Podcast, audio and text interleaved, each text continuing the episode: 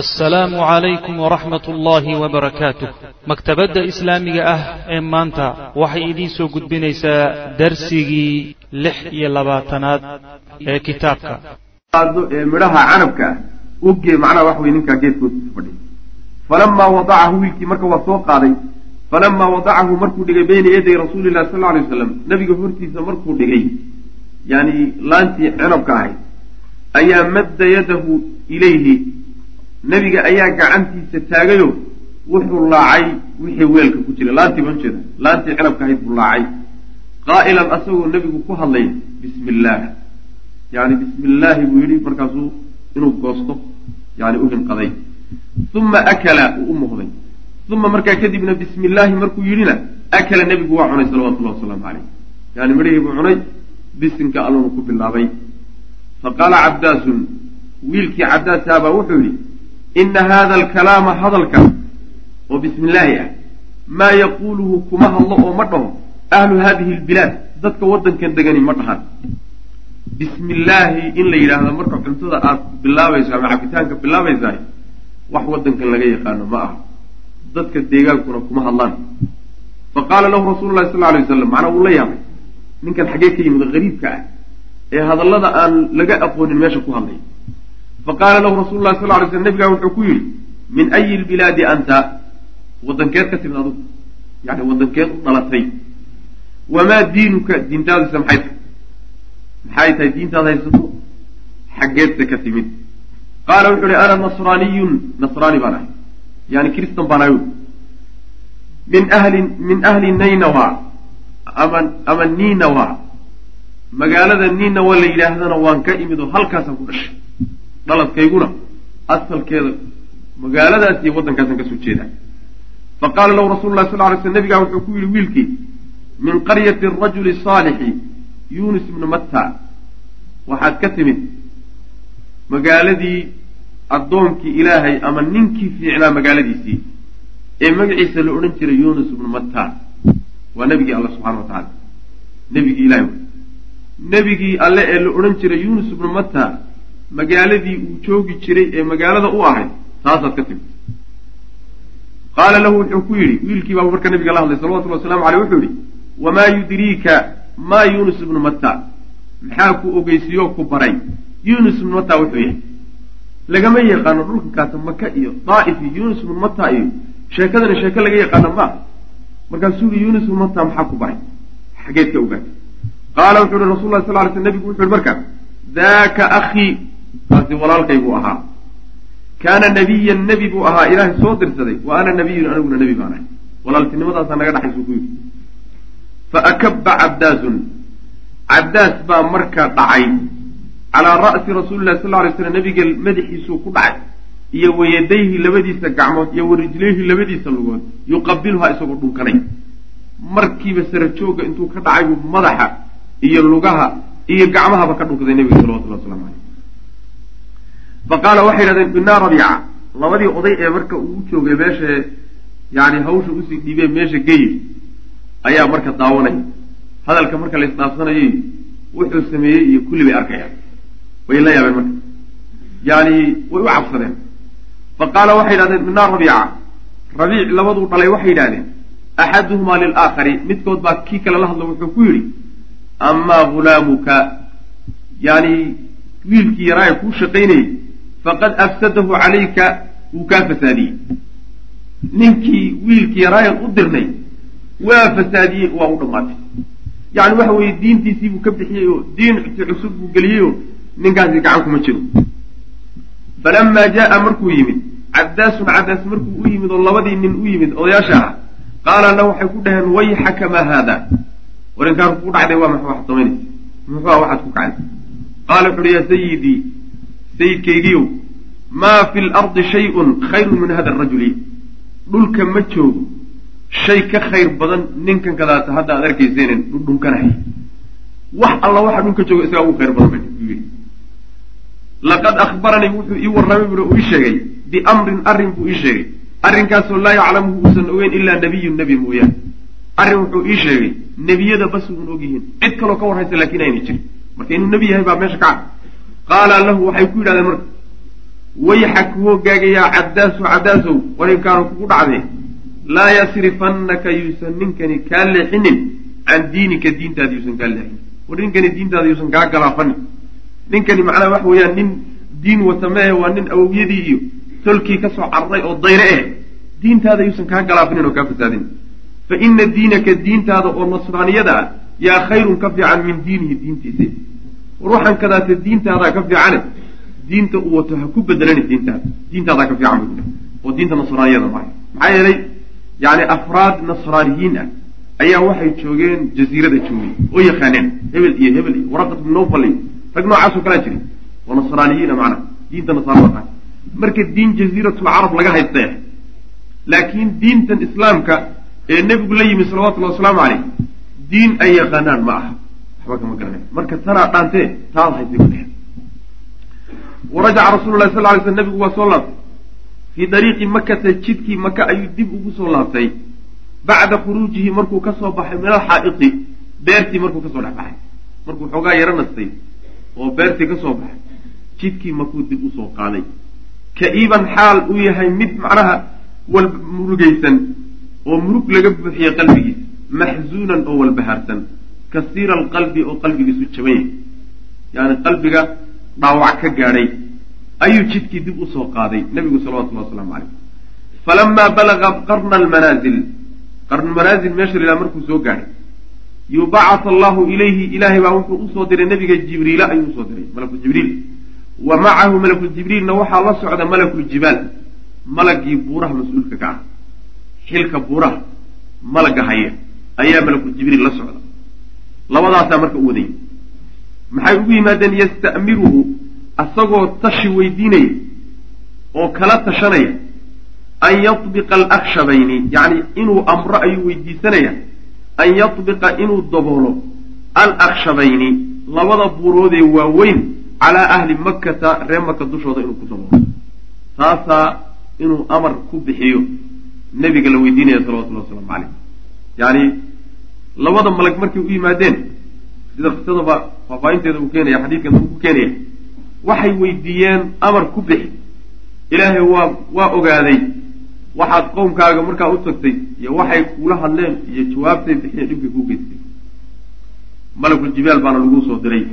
Waxa loo soo dirayna waxa weeye inuu adiga kaa amar qaato oo nimankaa reemaka wixii loogu talin lahaa aada adigu hadda go'aamiso haddaad ku taliso labada buurood ee labada dhinac magaalada kaga yaalla in ayagoo dhan lagu daboolo oo eberba laga dhigo la cirib tiro waa la yeeli. Taama ku talinaysaa? Taasuu amar ka weydiinaya marka.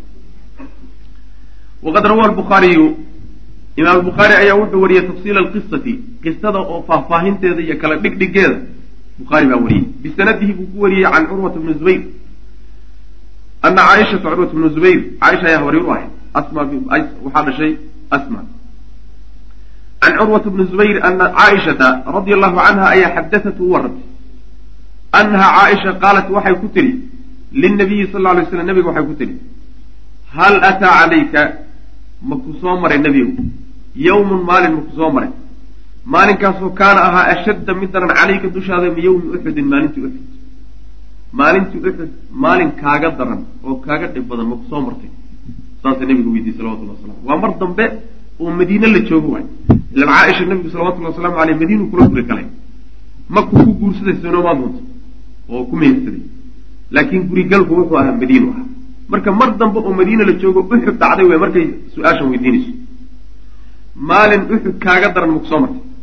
Qaala wuxuu yihi nabigu salawatullahi wasalaamu caleyh laqiitu waan la kulmay. Min qawmika tolkaa waxaan kala kulmay caaishoy. Maa laqiitu waxaan kala kulmay. Yacni dhibkii ugu weynaa tolka iyo dadkaad ka dhalatay baan kala kulmay buu nabigu salawatullahi waslamu caleyh wa kaana wuxuuna ahaa ashadda maa laqiitu. Waxaan la kulmay ee iga soo gaadhay kii ugu darnaa wuxuu ahaa minhum xaggooda yowma alcaqabati maalintii caqaba. Maalintii caqaba waa maalintaa iyadaa wey. Ee reer daaif uu tegay wey. Maalintaasaa ugu darnayd dhibaato iga soo gaadho igaga timaada nimanka aad ka dhalatay caaisha id carabtu nafsii markii aan naftayda u bandhigay cala bni cabdi yaaliil ibni cabdi kilaal. Yacni ninkaa isaga ah ibni cabdiyaaliil ibni cabdilkilaal ayaa nafteyda u bandhigay. Macnaha waa u tegayo? Mabda'an watay in uu macnaha waxa weeyaan ila qaato oo ila taageero oo uu difaaco oo i nabadgeliyo saasaan ula tegay falam yujibnii ilaa maa aradtu waxaan ka codsadayna igamuna yeelin codsigaan u geystay iyo waxaan doonayeyna muusan iga yeelin fainalaqtu waan tegay buu nabigu uri salawatullhi wasalaamu caleyh walxaal ana mahmuum anoo aada u murugsan. Calaa wajhi madaxaygaan u dhaqaaqay. Yacni meeshii ay wejigaygu ku aadanaa markaa ayaan isaga dhaqaaqay buu nabigu uri salawatulli waslamu caleyh wejigaygaan u dhaqaaqay. Falam astafiq ma aanan baraarugin ilaa wa ana biqarni facaalib meesha qarni facaalib yidhahdo anoo maraya un baaban ku baraarugay daaif buu macnaha ka soo dhaqaaqay daaif ilaa qarnu facaalib inta u dhaxaysa uu soo socday. Taqriiban waxa weeye ismaba ogeynba. Isma ogen murugta iyo walbahaarka iyo ayaa ka tambatay ayaa ka tambatay meeshaa markaan marayo ayaan marka baraarugay. Falam astafiq maanan baraarugin ilaa wa ana biqarni facaalib anoo qarnu facaalib jooga mooyaane. Wa huwa lmusamaa waana midka lagu magacaabo biqarni lmanaazil ba hadda la waa meesha laga soo laga soo macnaha wax wey laga soo xarmado marka la soo xarmanayo xagga laga yimaado najdi iyo daaif iyo dhulkaa laga yimaado waxaan u jeedaa meesha la yihahdo ama daaif laga yimaado ama riyaad iyo dhulkaa laga yimaado meesha laga macna wax weeyaan xarmado. Qarni manaazil. Fa ra'sii madaxaygan kor u qaaday. Fa idaa ana bisaxaabatin markiiba waxaa ku sugnahay daruur. Qad adallatnii oo i hadhaysay madaxaan kor u qaado kor baan fiiriyey. Markiiba waxaaba si kada aan u arkayba daruur hadhkeedii aan harsanayo oo dusheeda taagan. Fa nadartu waan fiiriyey fa idaa fiiha jibriilu daruurtii haddaan kor u fiiriyeyba jibriil baaba ka dhex muuq fanaadaanii markaasuu ii dhawaaqay. Fa qaala wuxuu ihi ina allaha qad samica qawla qawmika alla wuxuu maqlay hadalkii tolka. Laka adiga ay kuugu jawaabeen hadalkay kugu yidhaahdeen iyo waxay kuugu jawaabeen iyo kulli ilaahi waa maqlayey. Wamaa radduu calayka waxay kuugu jawaabeenna alla waa maqlay waqad bacata allahu ilayka allana wuxuu kuu soo diray malaka aljibaali buurihii yani malagii buuraha mas'uulka ka ah malagii buuraha ayuu ilahay kuusoo diray maxaa lagugu soo diray lita'murahu si aad u amarto bimaa shi'ta waxaad doonto fiihim dhexdood waxaad ka damacsantahood ka rabto in aad malakuljibaal ka amarto oo markaa uu ku sameeyo hadday tahay in la halaago hadday tahay in la baabi'iyo in la rogo talada adiga aada rabto ee doonayso inuu ku sameeyo amarkeeda inaad siiso isaga ood bixiso. Saasaa lagugu soo diray. Fanaadaanii intaa markuu jibriil gutay oo uu xidhiidhiyey ilaan isagoo xidhiidhiyu ahaa malakuljibaal iyo wuxuu xidhiidhinaya nebiga salawatullahi wasalaamu caleyh waa ka baxay marka. Hadalkii marka waxaa la wareegay malagii buuraha si toosa ula wareegay. Fanaadaanii waxaa ii dhawaaqay buu nebigu yihi salawatullahi wasalaamu caleyh malakuljibaal malagii buuraha yaa ii dhawaaqay. Fasallama calaya markaasuu islaamay. War horta iska warramo war kale inoo dambeeye wal assalaamu calaykum. Uma qaala wuxu uhi ya muxammadu muxammadow dalika arrinkaasu almru dalika arrinku waa saas. Jibriil sima kuu sheegay sidaa way arrinku. Famaa shi'ta waxaad doonto ayaanu samaynaynaa. In shi'ta haddii aad doonto an atbiqa calayhim dushooda inaan ku daboolo alakshabayni labada buuroodee waaweyn ee dhinacyaha ka ah ay la facaltu waan samayn saa haddaad ku talinayso ood amarkaa bixinayso waan yeeli. Walakshabaani labada akshabna humaa iyagu jabalaa makkata maka labadeeda buurood wey abuu qubays iyo waladii yuqaabiluhu buurta weyne la yidhahda abuu qubays iyo buurta kale ka soo horjeeda ee labada maka labada dhinac kaga taalo wey. Wa huwa ka ka soo horjeeda abuu qubaysna waxa weeye qucayqacaan buurta la yidhahdo magacaas wey. Labadaa buurood ee waaweyne marka dhinacyaha kaga yaalaan ayagoo dhanba ku dabooli oo dhulkaaba lama simi yaama ku talinaysaa qaala nabiyu sal ly sl nabigu wuxuu yihi bal arjuu an yukhrija allahu min aslaabihim man yacbud allaha caza wajala waxdah laa yushriku bihi shaya bal maya wey macana arjuu waxaan rajaynayaa an yukhrija allahu ilaahay inuu soo saaro caza wajalla min aslaabihim dhabaryaalkooda inuu ka soo saaro. Man yacbud allaha cid ilaaha caabuda caza wajalla waxdahu keligii oo laa yushriku bihi shay-an cidna wax ugu darin cidna aan ilahay wax la wadaajin yacni ayaga qolyahan odayaashay maka jooga ee irafaadiyey ee aan quusiga ka joogo. Haddaan ayaga ku guulaysan waayo waxaan rajo ka qabaa carruurtay dhali doonaan way macana carruurtay dhali doonaan baan rajaynaya inay islaami doonaan oo diinta islaamka qaadan doonaan. Saasuu nabigu uri salawatullahi waslamu caleyh jawaabtaasuu marka siiyey malagii buuraha iyo malagu jibriil oo wada socda sidii bay marka kaga laabteen macnaha. Marka jawaabta uu nabigu bixiyey salawatullahi wasalaamu caleyh iyo mawqifka markaad isu fiiriso dhibka haysta iyo rufaadka haysta iyo haddana jawaabta uu bixinay markaad isu fiirisahay aad bay cajaa'ib u tahay. Isma dabooli karaan. Yacni ibni aadamka caadi waxaa u ah. Ciddii wax yeeshay oo dhibaato gaadhsiisay inuu ka arkuso khaasatan markay ficiladu ku taagan tahay. Xanaaqa iyo walbahaarka iyo murugtu markay ku taagan tahay xilliga noocaasoo kale haddii lagu yimaado lagu yidhahdo ka waran cadowgaa ma ka takhallusnaa haa dhihi jawaabta unbaad dhihi ibni aadamku saas bahay waa laga yaabaa mar dambe oo uu degay oo cadhadii ka ba'day oo ciilkii ka ba'ay oo walbahaarkii ka ba'ay haddii la weydiiyo inuu markaasi tacaqul iyo qaab caqliya inuu ku jawaabo oo waxoogaa degan laakiin asagooy ku taagan tahay. Jawaabtuu bixini waa un haa un laakiin nabigeena salawatullahi wasalaamu caleyh jawaabta bixiy u fiirso mudduu garaacayay mudduu garaacayay. Yani waxaa la joogaa sannadkii tobnaad baa la joogaa. Toban sano oo kaamil ah ayuu reemanka nebigu garaacayay salawatullahi waslamu caleyh toban sano oo kaamil ah dacwada geli weyday ee gaari weyday ee uu rajada ka qabo maxay tahay?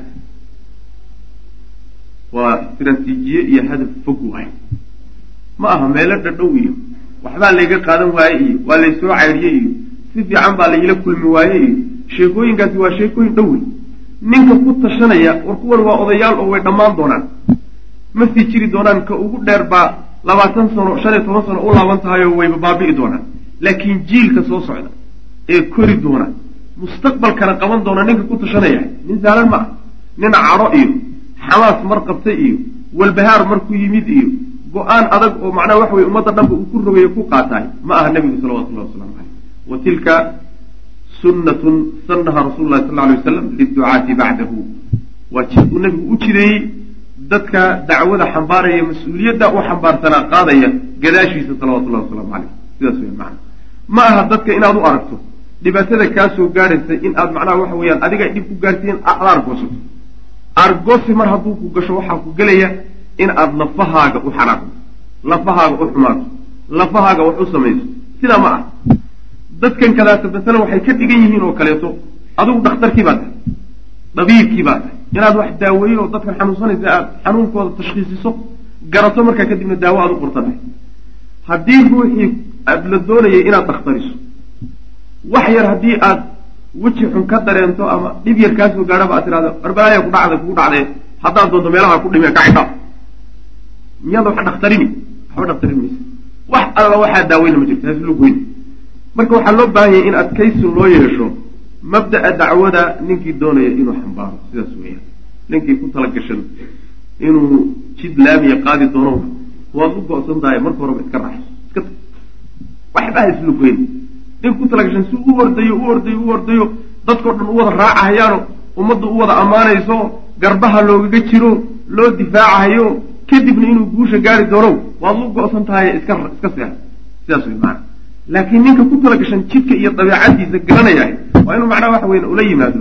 Siyaasadii iyo qaabkii macnaha jidka uu ku qaadi laha mana waa laga marmaba wa fi hada aljawaabi jawaabta iyada ah ayuu adlaa bihi rasuulu sal lla alay waslam nabigu wuxuu ku jawaabay oo uu ku bixiyey. Alladii jawaabkaasuu adlaa bihi rasuulu sal alay slam nabigu uu jawaabay. Jawaabtaa uu nabigu bixiyey salawatullahi wasalaamu caleyh ayaa tatajallaa waxaa ka muuqanaysa shaksiyatuhu nabiga dadnimadiisa alfadatu ee macnaha soocan shaksiyad iyo dadnimo soocan oo aan macnaha waxa weye cidina la wadaagin ayaa ka muuqata. Wamaa kaana iyo wixii nebigu calayhi dushiisa uu ku sugnaa ayaa ka muuqata. Oo min alkhuluqi alcadiimi akhlaaqda aadka u weyn ah. Alladii midkaasoo laa yudraku aan la gaari karin gawruhu guntiisa aan la gaari karin.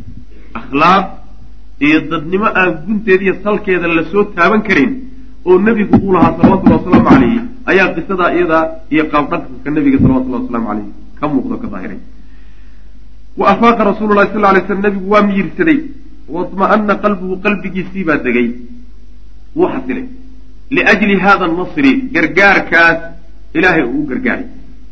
Liajli hada nasri gargaarkaa daraaddii buu qalbigiisu la xasilay algaybiyi ee qarsoon gargaar qarsoon buu ilaahay alladii midkaasoo amadahu llahu ilaahay uu u fidiyey nebiga calayhi dushiisa min fawqi sabci samaawaat toddobada samo korkooda gargaarkaa qarsoon ee looga soo diray ayaa nabiga qalbigiisa ku xasilay salawatullah waslamu caleyh laba malag oo malaa'igta kuwii uguna xoog xoog badnaa uguna fadli badnaa ka mid a yuu rabbi u soo diray subxaana wa tacala kuwaasi markay la hadleenba oo nasrigaa iyo gargaarka gacantaa ilaahay u fidiyeyba qalbigii nebigu waa degay waana xasilay. Uma markaa kadibna taqadama nebigu waa socday. Fii dariiqi makata jidkii maka ayuu sii hayay xataa balaqa waadi nakla meesha waadi nakla la yidhahda ilaa nabigu uu gaadhay salawatullah waslamu aleyh waa meel maka iyo daaif udhaxaysa wey wa aqaama fiihi ayaaman maalmuuna ku hakaday. Waadi nakla markuu joogo yuu maalmo meeshaa ku hakaday nebigu salawatullah waslamu aleyh wa fii waadi nakla waadi nakla waxaa dhexdiisa ah mawdicaani laba meelood baa ku yaalla oo yasluxaani usuu badan liliqaamati yani hakasho nagaado yani laba meeloodoo la joogi karo la degi karo ayaa waadi nakla ku yahay. Waadi nakla inuu nebigu salawatullhi waslamu aleyh meeshaa ku hakaday oo maalmo uu joogay waa la isku waafaqsanya laakiin waxaa la garanayay waadi nakla waa dhul. Dhulkaasina meeshii goonida ahayd ee nebigu uu ka joogay ee uu ku nastay baan si gooniya loo garanayay matanay ahayd mstan laba meelood baa ku taallo marka wuxuu leeyahay lagu nasan karo waxoogaa la joogi karo. Labada meelood laakiin midday ahayd baan la garanayay wa fii waadi naklata wa fii wadi nakla mawdicaani laba meelood baa oo yasluxaani liliqaamati joogitaan ku haboon ta koobaad waxa weeye asayl lkabiir ka labaadna waxa weeye azayma maxay labadooda ugu haboon yihiin? Limaa bihimaa waxa ku sugan oo min almaai biyo iyo walkhasbi barwaaqa. Waa laba meeloodo mid walba biyana leedahay baadna leedahay. Oo barwaaqo oo ruuxu joogi kara wey walam naqif mana aanan ishelin buu sheeku leeyay calaa masdarin kitaab oo yucayinu xadidaya mawdica iqaamati sal ly slam meeshuu nebigu ku nagaaday fiihi waada nakla dhexdiisa kaga nagaaday waadi nakla wuu joogay laakiin labadaa meelood xaggee buu ka joogay maan wax taxdiidiya oo si gooniya u qeexaaya oo u tibaaxa maanaan helin bui mana laakiin waadi nakla guud ahaan umuu macnaha ku hakaday saa uba macnaha wax weeyaan riwaayadku sheegaya halkaasaa marka nebigu uu ku sii hakaday salawatullahi wasalaamu caleyh wa khilaala iqaamatihi hakashadiisa iyo nagaadigiisa hunaalika halkaa intuu ku nagaa ee uu ku hakanayay ayuu bacasa allahu ilayhi ilaahay wuxuu u soo diray nebiga nafaran koox oo min aljinni ka mida makhluuq kale ree makaba laga maaran. Caalamu lgeyb baaba nebigii salawatullahi wasalaamu caleyhi lagu garab taagan yahayo gacanta loo fidinayaba waxa wey waa caalamu lgeyb malaa'ig baa loo soo diray haddana koox jinaa la joogta salawatullahi wasalaamu caleyh koox jinaa loo soo diray. Dakarahum allahu ilaahay wuxuu ku sheegay kooxda jinkiya meeshaa nabiga ugu timi salawatullahi waslamu caleyh fii mawdacayni laba meelood baa lagu sheegay oo min alqur'aani ka mid. Qur'aanka laba meelood oo ka mid a yaa kooxdaa jinkiya nebiga meeshaa ugu timid lagu sheegay. Meesha kuwaad fii suurati alaxqaaf waay waid sarafnaa ilayka nafran min aljini yastamicuuna alqur'aana falama xadaruuhu qaluu ansituu falama qudiya wallow ilaa qawmihim mundiriin qaluu ya qumana ina samicna kitaaba unzila min bacdi muusa musadiqa lima bayna yadayhi yahdi ila alxaqi wa ila ariiqin mustaqiim ya qawmana ajiibuu daaciya allahi waaminuu bihi yakfir lakum min dunuubikum wayujirkum min cadaabin aliim aayadahaas waa aayadaha suuradda koobaad ku soo arooray oo ka warramaya kooxdaas jinkee nebiga xilliga u timid waid sarafnaa waid waqtu sarafnaa aan leexinay ilayka xaggaaga aan u soo leexinay nebi oon u soo iilay nafaran koox oo min aljinni ka mid koox jinka ka mida markaan xaggaaga u soo leexinay yastamicuuna alqur'aana ayagoo qur'aanka dhegaysanaya nabigu meeshaasu ku tukanay isagoo tukanayo salaad ku jira. Intay yimaadeen yay dhegaysanayaan qiraadiisay dhegeysanaya isaguna kama warhayo iska dhegaysanayaan weliba fi suurati aljin siduu alla ku tilmaamay subxana wa tacaala yani qur'aanka dhegaysigiisa intay aada ugu bogeen yay isdul fuufuuleen. Yani waxa koox koox ayay isu dul fuufuuleen. Marka qur'aankii bay dhegaysanayaan falamaa xadaruuhu markay soo xaadireen oo yimaadeen oo nabiga u yimaadeen ayay qaaluu waxay yidhahdeen ansituu dhegaysta macnaha dheg raariciyo oo shib dhaha. Insaadka waxaa la yidhahdaa inuu ruuxu aamuso oo shib dhaho wax la sheegayna dhegaysto qur'aanka dhegaysta oo hadalka joojiya falamaa qudiya markii la dhameeyey oo nebigu uu qiraa'adii ka baxay oo qur'aankii u dhameeyey ayay wallow jeedsadeen ilaa qawmihim tolkoodiiyo dadkoodii ay ka yimaadeen ay ka dhasheen bay ku laabteen. Mundiriina xaalayhim kuwa digay. Markiiba ducaad bay noqdeen. Meeshii bay ku islaameen diintii bay nebiga kaga qaateen salawatullahi wasalaamu caleyh ducaad bayba noqdeenoo dadkoodii ay ka yimaadeen bayba dib ugu laabteen. Iyagoo ducaadahu diinta islaamka xambaarsan soma jeeda in reemarka laga maarmay weligiinba is adadkayag jin baaba ilaahay subxaana wa tacaala diinti siiyeyba oo galay. Qaaluu waxay dhhen yaa qawmanaa qawmkoodii markay u tageen oo qulyadii jinta kooxdii jinka ahayd ay u tageen meeshay ka yimaadeen iyo magaaladii iyo dadkii u tageen hadalkii marka ay kula hadlayeen u jeediyeen bu alla sheegaya subxana wa tacala qaaluu waxay dhhen yaa qawmanaa tolka now innaa anagu samicnaa waxaan maqalnay kitaaban kitaab baan maqalnay. Oon soo dhegaysanay kitaabkaasoo unsila la soo dejiyey min bacdi muusa. Nabiyullaahi muusa gadaashiisa kitaab soo degaan soo dhegaysanay kitaabkaasoo musadiqan mid rumaynaya ah limaa bayna yadayhi wixii isaga ka horreeyey kutubtii ka horreysa o dhanna wuu rumaynaya. Kitaabkaasoo yahdii hanuuninaya ila alxaqi dadkana wuxuu ku hanuuninaya oo u horqaadaya xaq. Wa ilaa ariiqin jid buu ku hanuuninaya mustaqiimin oo toosan. Jid toosan iyo xaq kitaab dadka ku hanuuninaya soo dhegaysanay. Yaa qawmanaa tolka yaa qawmanaa tolkanagiyow ajiibuu yeela daaciya allah. Ilaahay ka idinku yeedhahaya iyo diintiisa. Waryeelo oo wuxuu idinka doonayo wuxuu idin wado ka guddooma. Wa aaminuu bihi rumeeyana waa nabiga salawatullahi waslamu caleyh yakfir lakum haddaad saa yeeshaan yakfir lakum alla wuu idin dhaaf min dunuubikum dunuubtiinu idin dhaaf. Wayujirkum wuxuuna idinka badbaadin. Min cadaabin aliimin cadaab xanuun badanna ilahay waa idinka badbaadinaya. Dacwadii bay marka gaadhsiiyeen qolyaha. Dadkaa kale mid waa midda marka oo suuratu laxqaaf ilaahay oo qisadooda waa ku sheegay kooxdaa waadi nakla nabiga ugu timi salawatullahi wasalaamu caleyhi markuu socdaalkaa ku jiray ee jinka kooxdaa jinka. Wa fii suurati ljinni waay.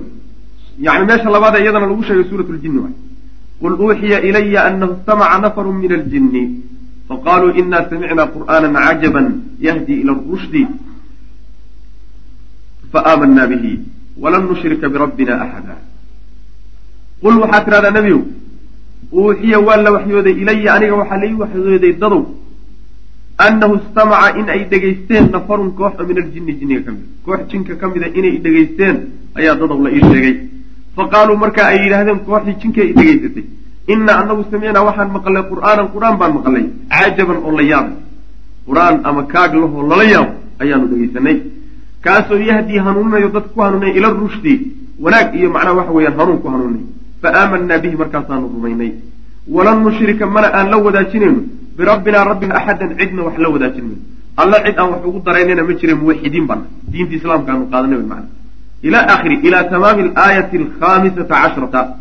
Ilaa laga gaadho aayadda shan iyo tobnaad ee suuradda waa aakhirka suuradda waay iyaga unbay ka warramaysa warkoodii hadalkoodii dheer markay qoomkooda u tageen yani siday ula hadleen iyo kulli ayaa la soo guriye o laga hadlay macana marka kooxdaas ayaa nebiga u timi salawatullahi wasalaamu caleyh marka waxaa ka muuqata ayaguna waxay ahaayeen gacan labaad oo rabbi subxaana wa tacaala uu u fidiyey nebigiisa salawatullahi wasalaamu caleyh si loo dejiyo oo looga bedelsiiyo reer daa'if iyo dhibaataday u geysteen qalbigiisa loo dejiyo.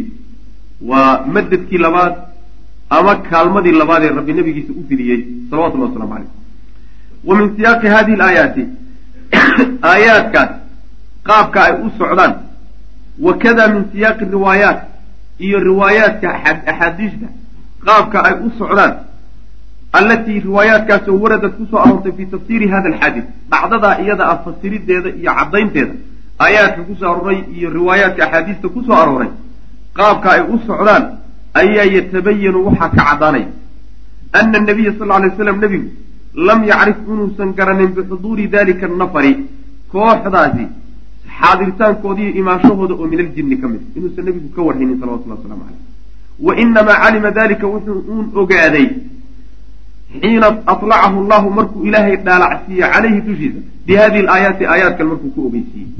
yacni waxaa ka muuqda axaadiista iyo aayaadka qur'aankaba. Waxaa ka muuqda inuusan nebigu salawatullahi wasalaamu caleyh kooxdaa jinkii markay la joogtay oo qur'aanka ka dhagaysanaysay inuusan ka warhaynin.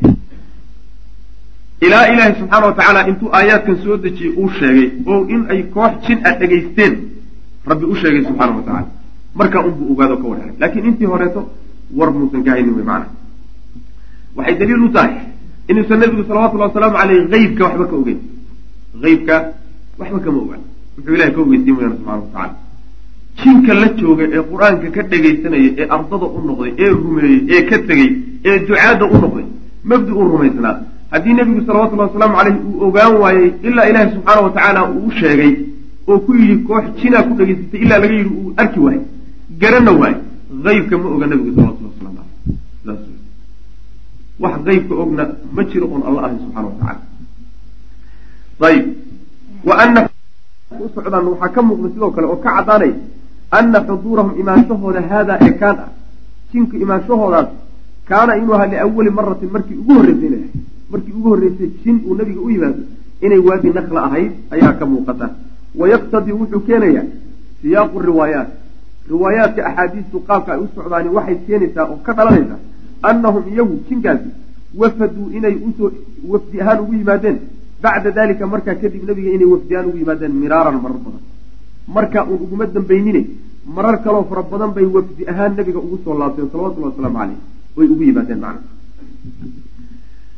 waxaqan kana hada alxaadisu nasran aakhara amadahu allahu tacala min kunuuzi gayrihi lmaknuun bijunuudihi alatii laa yaclamuha ila huwa xabdu wuxuu tacliiqinayaa jinkaas marxaladaa iyada ah iyo xilligaas iyo duruubtaas nebiga loo loo soo diray ayuu tacliiqinayaa inuu ahaa taageero ilahay nebigiisa uu siiyey salawatullah waslamu aleyh waxaqan yani waxaa sugan sugnaan.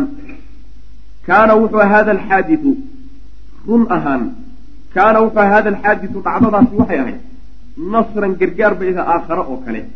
Oo amadahu llahu ilaahay uu u fidiyey nebigiisa min kunuuzi gaybihi haybkiisa kaydadkiisana uu uga soo fidiyey. Almaknuuni ee la qariyey haybka qarsoon kaydadkiisa gargaar uu rabbi nebigiisa uga fidiyey ayuu ahaa kana bijunuudihi ciidamadiisuuna ilaahay ugu gargaaray nebigiisa allatii ciidamadaasoo laa yaclamuha uusan leyn ilaa huwa alla mooyaane. Ciidamo ilaahay uun og yahay baa nabiga loogu gargaaray. Wamaa yaclamu junuuda rabbika ilaa huwa saas waay jin buu rabbi subxaana watacaalaba uga dhigay lagu garab istaagay nabiga salawatullah waslam aleh oo lagu uma markaa kadib ina alaayaati aayadihii allatii aayaadkaasoo nazalat soo degtay bisadadi hada alxaadis dhacdadaa iyada ah yani qasadkeeda aayaadkii ku soo degay kaanat waxa ahaa fii dayiha dhexdeeda waxaa ku jiray iyadana way xambaarsaneed aayaad bishaaraatin ayaa ahayd bishaarooyin loogu bishaaraynayo binajaaxi dacwati nabiy sal lay slam nabiga dacwadiisu inay guulaysan doonto aayaadkaa xataa dhacdadaa jinka ka warramay dhexdeeda waxaa ku jiray dareensiin iyo tilmaan nabiga loogu tilmaamayo dacwadiisu inay guulaysan doonto macana wa ana aya quwatin awood walba oo min quwaati alkawni adduunka awoodihiisa iyo quwadihiisa ka midi laa tastadiicu inaysan awoodin oyna keri karin an taxuula baynaha wa bayna najaaxiha yacni inay kala dhex gasho dacwada nebiga salawatullahi wasalaamu caleyhi iyo diinta u wato iyo guusha inay guulaysato wax awood oo kale dhex istaagi karta inaysan jirin ayay aayaadku macnaha ka warramaya oo macnahaasaa ku dhex jiray qisada marka laga warramayo jinka waxaa la dhex geliyey quwad kastoo adduunka ka jirtaay inay dacwadaada guusha ay gaari doonto ka hor istaagtahay waa waxaan suurtagal ahay taasaa la dareensiinaya macana waxaa ka mid ah aayaadka qawluhu tacaala waman laa yujib daaciya allah falaysa bimucjizin fi lardi walaysa lahu min dunihi wliyaa ulaaika fi dalaalin mubiin. Waa hadalkii jinka waay hadalkii waxda jinka. Waman laa yujib ciddii aan yeelin daaciya allahi ilaahay ka ugu yeedhaya dadka. Waa nebiga alle. Nebiga alle ninkaan hadalkiisa yeelin. Falaysa muusan ahaanin bimucjizin mid caajis gelinaya fi lardi dhulka dhexdiisa dhulka dhexdiisa kuma fakan karo. Awood uu ilaahay kaga hortago ama uu kaga baxsado ma laha. Walaysa lahu umana sugnaanin. Min duunihi alla sokadiisa awliyaaa kuwa u gargaara. Kuwa u gargaaro alla ka sokayana ma uu helayo ulaaika kuwaasi fii dalaalin baadi dhexdeed bay ku jiraan mubiinin oo cad. Marka falaysa bimucjizin fi lardi dhulka dhexdiisa ilaahay kuma caajis gelin karo wuxuu ilaahay wato kama hortegi karo. Addoon way miskiin oon tabar lahayn. Barnaamij ilaahay uu wato guul inuu gaadhsiiyo doonayahay ma hor istaagi karo. Miskiin wa anaa anagu aayad kalena waa wa qawluhu tacaala way wa anaa danannaa an lan nucjiza allaha fi lardi walan nucjizahu harab. Markay iska warramayeen oo asxaabtii carabtu inay rumeeyaan oo nabiga raacaan ku qasabta ay sheegayeen. Waxay yidhahdeen wa annaa anagu haddaan jinkii nahay danannaa waxaan yaqiininay an lan nucjiza allaha inaanaan ilaahay caajis gelin karaynin fil ardi dhulka dhexdiisa inaanaan dhulka dhexdiisa ilahay kaga fakan karin oonaan quwad iyo awoodtaana xeelataana aanaan ku caajis gelin karin. Walan nucjizahu inaanaan caajis gelin karaynin ayaan hubaal ahaan u rumaynay haraban carar inaanaan ku caajis gelin karin carar aan ka cararnayna inaanaan ilahay kaga fakan karin subxana wa tacala midaasaan yaqiininay macna amaama hadihi nusra gargaarkaas wa amaama hadihi albishaaraati iyo bishaarooyinka nabiga loo bishaareeyey hortooda markay bishaaradaasi dhacday gargaarkaana ilahay nabigiisa u fidiyey salawatullahi wasalaamu caleyh ayaa aqshacad waxaa fayday saxaabatu lka'aabati yani walbahaarka murugta daruurteedii iyo walxusni walbahaarka yacni daruurtii walbahaarka iyo murugta ee nebiga dusha ka saarnay salawatullahi wasalaamu caleyh markaasay faydantay bishaaradaasina markay timid oo qalbigiisa loo dhiso moraalkiisa la dhisay gargaarkaasina rabbi ku garab istaagay oo malag malaa'igtuna timid jinkiina yimid markaasaa waxaa faydantay daruurtii murugtay macnaa murugtii baa ka tagtay murugtii baa ka tagtay markaa iyadaabaa aqshacad waxaa fayday saxaabatulka'aabati yacni murugta iyo walxusni walbahaarka iyo murugta daruurteedii ayaa fayday iyo walya'ti quusiga. Allatii daruurtaasoo kaanad ahayd mutbiqatan mid dabooshay caleyhi nebiga dushiisa. Mundu an kharaja laga soo bilaabo markuu ka soo baxay min adaa'ifi daa'if uu ka soo baxay madruudan xaaluya mid la soo caydhiyey madxuuran oo macnaha la soo fiijiyey. Isagoo la soo fiijiyey la fogeeyey oo dayro ah ree daa'if markay soo caydhiyeen kadib murugtii iyo walbahaarkii iyo quusadkii sida daruurta dusha ka fuushay si iyadahayd markaasay faydantay oo nabiga salawatullahi wasalaamu caleyh qalbigiisii xasilay. Xataa samama ilaa uu nebigu go'aan adag ku qaatay cala alcawdi noqosho ilaa makata maka uu ku laabto. Markaasuu go'aan adag qaatay inuu maka dib ugu noqdo. Iyo wa cala alqiyaami inuu isu taago biisti'naafi khudatihi qorshihiisii inuu dib u bilaabo alulaa ee horreysay. Qorshihii hore ee uu watay inuu mar labaad dib u bilaabo fii cardi lislaami islaamka bandhigiisa ku saabsanaa. Qorshihii uu islaamka dadka ugu bandhigayay ee dacwada dadka diinta ku gaadhsiinayay ee uu markuu ka soo tegay daa'if ka kala go'ay. Qorshihii isaga ahaa inuu dib u bilaabo maka ku laabto taasuu nabigu salawatullahi wasalamu aleyh marka go'aan ku gaadhay. Iyo wa iblaaqi risaalati illahi ilahay risaaladiisa inuu dadka gaadhsiiye alkhaalidati ee waartay waarays binashaatin weliba nashaad iyo firfircooni jadiidin oo cusub iyo wa dadaal iyo wa xamaasin xamaas cusub xamaas cusub iyo firfircooni iyo dardar cusub iyo dadaal cusub ayuu nebigu salawatullahi wasalaamu caleyh laba kaclayn dacwada ku bilaabay saas mana maka qorshihii meeshuu u yaalay ayuu macnaha xamaas cusub ku bilaabay oo meeshii uu ka sii waday wey macana waxiina idin markaa ilan qalbigiisa markaa la soo xoojiyeyo waa la soo adkeeyey. Ibni aadamku waa iska daciif mahma kaana mahma kaana waa iska daciif. Dhowr caqaba hadday ku hor timaado. Waxoogaa wuxuu u baahan yahay in qalbiga loo dhaqo oo qalbiga loo adkeeyo u baahan yahay. Markaa kadib buu mashaakil kaleeto iyo culaysyo kaleeto iyo uu madaxa ku diiri karaa. Mar walba uu caqaba ka hor timaadaba waa in moraal dhis lagu sameeyo. Dibu habayn waa in lagu sameeyo barnaamijkiisa. Waa inuu markaa kadib niyad cusub uu ku qaabilo wey macana marka isagoo nabiga niyada loo soo dhisay salawatullahi wasalaamu caleyh ayuu markaa ma kadib ugu laabto hawshii meeshaa ka bilaabay. Waxiina idin markaa ayaa qaala lahu zayd ibnu xaarita zayd ibnu xaarita nabika nabig nabiga wuxuu ku yihi markaa ilan markuu u sii jeedaay kayfa tadkhulu calayhim? Seebaad ree maka ugu tegi ood ugu geli nebiow waqad akhrajuuka iyagoo ku soo caydhiyo ku soo bixiyey wayba ku soo masaafuriyeenoo way ku soo caydhiyeene. Say suurtagal ku tahay mar labaad inaad dib ugu noqoto ood ugu gasho. Yacni wuxuu ula jeedaa qurayshan buu ka wadaa fa qaala wuxuu yihi nabigu sal lay slam ya zaydu zaydow ina allaha alle jaacilun midkii yeeli doono wey yeelaya limaa taraa waxaad aragtay iyo ee culays ah culayska iyo cadaadiska iyo dhibka inaad saar inaad arkayso alle midkii u yeeli doono weeye farajan faraj iyo wa makhrajan meel looga baxo xal buu ilahay keeni wey maana waxba culayskan ha arkine iyo waa layna soo cadhiyo xaggeen ka gallaaye rabbi baynu leenahay isagaan ku xidhannahay isagaana keeni doona xal. Waxaan sidan isu dul saarnaan maayaan wy macna. Saas wey macana wa ina allaha ilana naasirun midkii u gargaarayo wey buu nabigu diinahu diintiisana ilahay baa u gargaari. Wa mid mudhirun midkii soo saaraya wey. Nebiyahu nebigiisana ilahay midkii soo saaraya wey.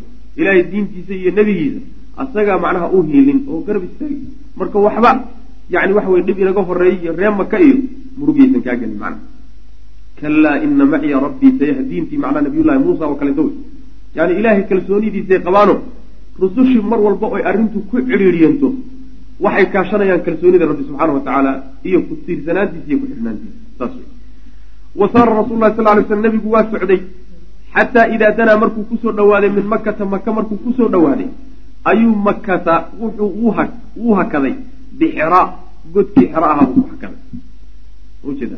Yani waxaan ujeeda buurtii xero la odhan jiray qaaru xira godkii waagii hore intaan nebiga laga dhigin uu ku cibaadaysan jiray buurtuu ku oli jiray buu marka nebigu ku yara hakaday oo macnaha waxa wey maka darafkeed ku taal. Wa bacata rajulan nin buuna diray nebigu sal alay slam min khusaacata ah ilan magaaladu ma geli karo. Magaalada cid u hiilisana ma joogto. Adeerkiina dhimay. Awowiyadii iyo wixii u hiilin lahaa dhun ma joogaan. Keligii wey marka waana laga soo caydhiy marka magaalada siduu ku geli lahaa buu qorshaynaya nabigu salawatullah waslamu caleyh wa bacata rajulan halkaasuu ku yara hakaday oo markaasuu nin diray. Ninkaasoo min khusaacati reer khusaaca wuxuu u diray ila alakhnas ibnu shurayq. Ninkaasuu u diray. Odayaasha ka mid ah. Liyujiirahu si uu u magangeliyo. Yani inuu magangeliyadiisa magaalada ku joogo oo magangeliye u qaado yuu ka codsaday. Ninbuu marka fariin ugu faray. Fa qaala wuxuu yihi ninkii la odhan jiray alakhnas ibnu shurayq ana xaliifun anigu dabayaal baan ahay yani nin dulsaar baan ahayo waalxaliifu xaliifkuna laa yujiiru cidna ma nabadgeliyo saas xaliifka waxaa la yihahdaa ninka aan qoyska ka dhalanina laakiin lagu tiriyo magta iyo la bixiyo qaaraanka la bixiyo mase kamuusan dhalanin laakiin xaliif baa la dhaha marka nin uun raggan qabiilkan maka degan la gaashaan buursaday oo uun waxuun ku darsaday baan ahay mooye laakiin nin meesha ka dhashay maye sidaa daraaddeed nin isaguba dabayaal ahoo dulsaar ah. Nin kale ma qaadi kara wey macna. Ma ujeeda laba qaawanis ma qaado wey fa bacata nabigu wuu cid diray haddana. Ilaa suhayl ibni camrin ninkaasuu u diray oday kale. Fa qaala isagana wuxuu leeyahay i magangeli maka aan soo gale. Magangeliyadayda qaar. Fa qaala suhaylun wuxuu yihi ina banii caamir reer bani caamir laa tujiiru ma badbaadiso oo macnaha ma ma nabadgeliso calaa bani kacbin kama nabadgeliso macnaha adigu reer bani kacab baan anigu reer bani caamir baan ahay.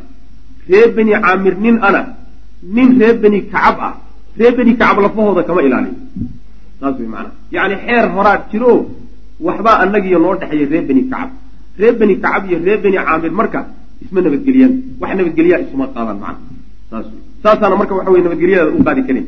Oonan ammaan kuu siin karin fa bacasa nebigu haddana waa cid diray salawatullahi wasalaamu caleyh ila almucim ibni cadiyin odaygaasu haddana u cid diray fa qaala almucim wuxuu yihi fariintii markay soo gaadhay wuxuu yihi nacam haa buu yani anaa qaaday anaa ku magan gelinaya uma markaa kadibna tasallaxa cadaawad baa meesha taallo oo magaalada waa laga fiijiyey nebiga oo diyaar baa loo yahay hadduu soo galo in la dilaa la rabaa ninka marka magangeliyadiisa qaadaya waa inuu horta awood isku hubo ta labaadna waa inuu diyaar garoobo markuu ammaanadiisa qaadayba diyaar garoobu marka bilaabay. Uma markaa kadibna tasallaxa wuu ishubeeyey hubkiisiibuu qaatay. Wa dacaa wuxuu u yeedhay markaa baniihi wiilashiisii iyo wa qowmahu raaskiisii buu u yeedhay. Raaskuu ka dhashay iyo wiilashuu dhalay. Intuu u yeedhay buuhi diyaar garooba hubka hala qaato. Fa qaala wuxuu ihi albisuu xidha asilaaxa hubka xidha oo diyaar garooba wa kawan wa kunuu ahaada cinda arkaani ilbeyt kacbada tiirarkeeda agtooda ahaada halkaas taagtaagnaada idinkoo diyaar aho nin walba u istaan bay ku jirta fa innii anigu maxaa dhacay maxaa macnaha waxa weeyaan diyaar garowgankaasi iyo hubka qaasa iyo isdiyaariya maxay tahay maxaa yeele fa innii anigu qad ajartu muxammadan maxamed baa nabadgelye siiyey rag badan baana soo qamaami doono inay wax gaadhsiiyaan isku dayi doona anigana nin yani waxa weeye ammaanadiisii loo gacan dhaafay baa noqon doonaaye diyaar garoob wey maanaa difaac gala uma bacaa nabigu uma bacata ilaa rasuli lahi sal alay waslam nebigu u cidiray intaa markuu diyaariyey oo difaacii u adkeeyo xidhay ayuu markaa kadib nebiga u cidiray wuxuu ku yidhi an anadkul ay udkul soo gal. Magaalada soo gal. Adoona cabsani fadakhala rasulu sal lay sl nebigu markaasuu soo galay wa macahu zayd ibnu xaarisa.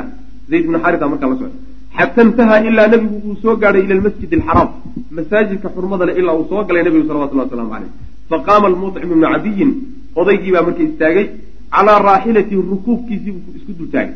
Gaadiidku saarnaabuu dusha iskaga taagay. Fanaadaa markaasuu dhawaaqay yaa macshara qurayshin quraysh isu imaadkeeday isu imaadka qurayshadow inii anigu qad ajartu muxammadan muxamed anaa nabadgelyo siiyey. Falaa yuhijhu axadun ruuxna yuusan dhib kula kicin oo minkum idinka idinka mid. Ruuxna yuusan argagixinino yuusan kicinin oo dhib yuusan u geysanin anaa nabadgelyo siiyey haddaba ogaada. Waintaha rasulu lahi sal lay sl nebigu marka wuxuu soo gaadhay ila rukni tiirka ayuu soo gaadhay fasalamahu markaasuu nebigu salawatullahi wasalaamu aleyh salaamay. Yani gacantu ku masaxay ruknulaswadka way maana ruknulaswadku markaa wa sallaa wuxuuna tukaday ragcatayni laba ragcadood buu tukaday. Waa ragcatii dawaafkii. Ayuu marka meesha ku tukaday wansarafa wuuna laabtay intaa markuu gutay ilaa beytihi gurigiisii marka nabigu aaday salawatullah waslamu caleyh intaa markuu samaynayo wa mucim ibnu cadiyin odaygii mucim ahaa iyo wawaladuhu wiilashiisiina muxdiquuna kuwa geedaaman wey bihi nabigay ku geedaaman yihiin bisilaaxi hub iyagoo macnaha wada xataa dakhala beytahu ilaa gurigiisii uu galay way sagootiyen meesha inta laga kaxeeyo dhinacyaha laga galay sidii loo sii waday isagoo madaxweynea yaa gurigiisii lagu dhaadhiciyey ninkaa odaygaabaa marka nabadgelyadiisa ku tegay nebigu salawatullahi waslamu aleyh maka maka mataqaana waa magaaladu ku dhashay. Odayaashiisa iyo adeeradii iyo xoolihiisii iyo kulli baa wada joogaan haddana maca daalika nin kaleeta ayaa u wasaadoonhayo inuu soo gala xataa la damiinanaya. Damaanuu ku soo gelaya nabigu salawatullahi waslamu aleyh wahaakada sidaas wey ma arkaysid marnaba baatil iyo xaq heshiis ah oo intay isla degan yihiin saaxiibtinimo ka dhaxayso isu marxabaynahayo yacni walaalo ah marna ma arkaysid waa habeenkii xalay oo tegow. Haddaad aragtana ama xaq baan meesha oolin oo waa un layska sheeganaya saabay u badanta saasay u badanta xaq baan meesha oolin wa waxa weeye amay dab iyo biyo meel isugu tegaya. Isugu tegi maaya. Wahaakada alxaqu waalbatil nin marka dadkiisa iskaga dhex jiro tolkiisa dhex yaacahayo waxooda la qasanahayo dareen qumanba uusan ku jirino haddaad arag si si waxbaa waxbaa sika ala aqali taqdiir. waxbaa sika saas. Wailaa nabigaa la dayn laha salawatullah waslamu caleyh waqiila waxaa lagu yihi ina abaa jahlin waqiila waxaa la yidhi ina abaa jahlin odaygii abaa jahl ahaa ayaa sa'ala wuxuu weydiiyey muciman mucim markuu yihi maxamed anaa nabadgelye siidoo arrintiisa damaano qaaday looma dhowaan karo. Ayaa abu jahl baa wuxuu yihi amujiirun anta am mutaabicun war ma nin wax nabadgeliyey baa tahay mise nin ninkaba raacay oo rumeeyey oo yani diintiisiiba qaatay baa tahay. Warka noo kala caddeey ay wuxuu ka wadaa mutaabaca muslim buu ka wadaa. Ma muslim baa tahay. Mise ninka un waa nabadgelye unbaa siisa qaala wuxuu ihi bal mujiir mana ma aanan rumaynine laakiin nabadgelye umaan siiyey. Xilkiisaan qaaday qaala marka wuxuu ihi abu jahl qad ajarnaa man ajarta. Ninkaad nabadgelyo siisay. Wuu naga nabadgeli. Annaguna waa nabadgelinayna macna. Saasay ahaan jirtayo carabtii jaahiliga ahayd nin odayaasha ka mid a hadduu nin nabadgelyo siiyo oo damaanadiisa uu waddanka ku soo galo wax u dhowaan kara ma jiro wa ilaa haddii loo dhawaado halaag baa dhec waa laysku baabi ilaa aakhiri rajul oo qoyskaa ka midi uu dhinto macnaha lakala hari maayo. Si aynan ninka iyaga ka dhashay ugu dagaalami jireen ugu dagaalamin ayaa waxay ugu dagaalami jireen ninka ay nabadgelyada siiyeen ee damaanadooda ku jooga macnaha saasay ahaan jireen waqad xafida rasuulu lahi sal lay slam nabigu wuxuu u hayey oo uu xifdiyey lilmucim odaygii mucim ahaa haada saniica abaalkaa wanaagsan buu nabigu u hayey salawatullahi waslamu caleyh abaalkaa wanaagsan ee maalinta odayaal oo dhan ay diideen uu u galay. Abaalkaa nebigu kama iloobin salawatullahi waslamu caleyh mucim ibnu cadiyin odaygaa kama iloobin fa qaala wuxuu yihi nabigu sal ly slam inuusan ka iloobin waxaa kutusaya wuxuu yidhi fii asaara badrin dagaalkii beder kuwii lagu qafaashay odayaashii faraha badnaa ee reer qureysheed ee la qafaashay dagaalka lagu qabsaday. Markay gacanta muslimiinta ku dhaceen buu nebigu wuxuu yihi salawatullahi waslamu caleyh low kaana almucim ibnu cadiyin xayan haddii mucim ibnu cadiyin odaygii ahaa uu noolaan lahaa. Marka waa geriyo. Hadduu noolaan lahaa uma kallamanii uu igala hadli lahaa fii haaulaai natna kuwan qurunka ee urahaya hadduu igala hadli laha arrinkooda igala xaajoon lahaa la taraktuhum lahu waan u dayn lahaa.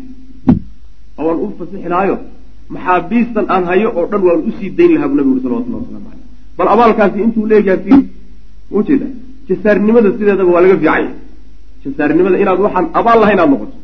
Gaalna ha noqdo ee ninkii abaal kuu gala abaalkiisa lagama iloobo saasuu marka nebigu aha salawatullhi wasalaamu caleyh maxaabiistaasoo dhan baan u sii dayn lahaa haddii uu maanta noolaan lahaa oo igala hadli lahaa. Allahu aclam wsala allahuma wasalam cala nabiyina maxamed alxamdu lilahi rabi alcaalamiin allahuma waslama calaa nabiyina muxamedi wacala aalihi wasaxbihi ajmaciin ama bacd mar labaad ayaa waxaan dib isugu soo laabanay duruusteenii siirada ee kitaabkii araxiiq almaktuum. Markii aan dhammaysanay bishii ramadaan ee barakaysnayd iyo hoogaagii fasaxa ean qaadanay ilaahay subxaana wa tacala haynaga aqbalo wixii acmaal ayaan la nimid dhexdeeda ayaan dib u bilaabaynaa duruustii siirada. Waxaan ku soo dhex jirnay marxaladii saddexaad oo ka mid ahayd saddex marxalo oo uu sheekhu u qeybiyey dacwadii nebiga sal alla alay wasalam intuu maka joogay. Waxaan soo marnay in uu laba wareeg u qeybiyey dacwada nebiga sal alla alay wasalam wareeggii maka iyo kii madiina. Kii maka ayuu saddex marxalo u qeybiyey marxalada koowaad waxay ahayd saddexdii sano ee dacwadu qarsoonayd marxalada labaadna waxay ahayd ayadana muddo ay dacwadu si muuqata oo aan qarsoodi ahayn maka uga socotay laakiin ayna maka ka bixin. Iyo marxaladii ugu dambeysay otaan hadda ku dhex jirna ah dacwadii nebiga sal alla alay wasalam oo u baxday maka dibaddeeda marxaladaas ugu dambaysaan marka ku jirna waxaan soo marnay oo darsigan kii ka horreeyey ku saabsanaa nabigeena salawatullahi wasalaamu calayhi oo intuu daa'if aaday reer daa'if u tegey dacwada u bandhigay ay diideen dhib badanna uu kala kulmay nebigu salawatullahi wasalaamu calayh. Taasaa darsigeennii kan ka horreeyey ku saabsanaa. Haddana cinwaanka darsigeenna caawa wuxuu sheekhu ka dhigay cardu alislaam cala alqabaa'ili waalafraad islaamka oo loo bandhigo qabiilooyinka iyo ashkhaasta macnaha waxa weeyaan nebigu salawatullahi wasalaamu calayhi daa'if markuu ka soo laabtay ayuu wuxuu gudagelay inuu qabiil qabiil dadka u qaabilo. Fardi fardi iyo ruux ruuxna dadka ugu tago. Dacwadana uu u bandhigo nebigu salawatullahi wasalaamu calayh. Fii dilqacda bishii dilqacdo dhexeeda sanata cashrin min annubuwa sannadkii tobnaad oo waafaqsan fii awaakhiri yuniyo ow awaa'ili yuuliyo sanata sitmiya wa tiscata cashar miilaadi ayuu caada rasuulu lahi sal ly slm nebigu soo laabtay ilaa maka ku soo laabtay wuxuu ka soo laabtay socdaalkii nebigu uu ku aaday salawatullahi wasalaamu calayhi daa'if uu ku aaday oo ahayd bisha dulqacdati ka horreysay shuwaal. Ayuu ka laabtay nebigu sal lay waslam wuxuu u soo laabtay oo maka ugu soo laabtay liyasta'nifa si uu dib ugu bilaabo. Carda alislaami islaamka bandhigii uu bandhigayey cala alqabaa'ili qabaaisha uu bandhigayey walafraadi dadka. Bandhigii islaamka uu dadka u bandhigayey inuu mar labaad maka dib uga bilaabo daraaddeed ba nebigu u soo laabtay salawatullahi waslamu caleyh leanna waxoogaa kala go-a ku dhacay intuu daa'if jiray. Dacwadii iyo cardigii ka socday maka waa maqnaa. Dib u bilaabid wey marka istinaaf waliqtiraabi almuusimi mawsim waktiga oo soo dhowaaday daraaddii xajka waktigiisii oo soo dhowaaday daraaddii ayay kaana annaasu dadku waxay ahaayeen ya'tuuna kuwa yimaada ilaa makata maka ayay imaanayeen rijaalan ayagoo lugeynaya wa calaa kulli daamirin mid walba oo caato ah. Neef neef walba oo geel oo caato ah dushiisa ayay ku imaanayeen daamirkaas kaa caatada ee boglaalan oo ya'tiina imaanaya min kulli fajin jid walba camiiqin oo fog ka imaanaya. Yani taqriiban waa iqtibaas uu ka sameeyey ayaddii qur'aanka ahayd. Yacni dadkii waxaa markaas soo dhowaaday xilligii xajka dadkii marka waxay gudagaleen in ay ka yimaadaan meelo fog fog oo ay u yimaadaan inay gutaan xajka inay gutaan. Ayagoo markaa qaar lugeynaya iyo qaar gaadiid saaran isugu jira. Gaadiidkay saaran yihiin baa marka sida qur'aankuba ka cabiray yani daamirka waxaa la yidhahdaa waa neefka weyda ah. Ee caatoobay socodku uu caateeyey ayaa daamirka la yidhahdaa bog laalan saas dhahan fajigana waxaa la yidhahdaa jidka ballaadhan baa la dhahaa. Camiiquna fog waay. Meel kasto iyo jid walbo fog bay dadkii ka kala yimaadeen ayagoo yani waxa way xajka u soo socda maxay u imaanayaan? Liqadaa'i fariidati alxaji xajka fariidadiisa inay gutaan daraaddeed iyo waliyashhaduu inay xaadiraan. Manaafica faa'iidooyin oo lahum iyaga u sugnaatay. Faa'iidooyin iyo manaaficna in ay meesha ka qayb galaan oo tagaan. Manaaficdaasi waa manaafic addunyo iyo mid aakhira labadaba manaaficu dunya waxa weeyaan xajka markay soo aadaan ganacsi iyo faa'iide adduunye iyo waxsaasoo kale kala kulmi jireen. Suuqyo waaweyn baa la samayn jiray oo wax la isku kala weydaarsado waxaa kaloo iyadana manaaficda ka mid a manaaficda ukhrawiga ah ee macnaha waxa weeyaan xajkooda ka helayaan. Wayadkuru llaha iyo alla inay xusaan daraaddeed fii ayaamin macluumaat. Maalmo la yaqaano dhexdooda inay ilahay xusaan.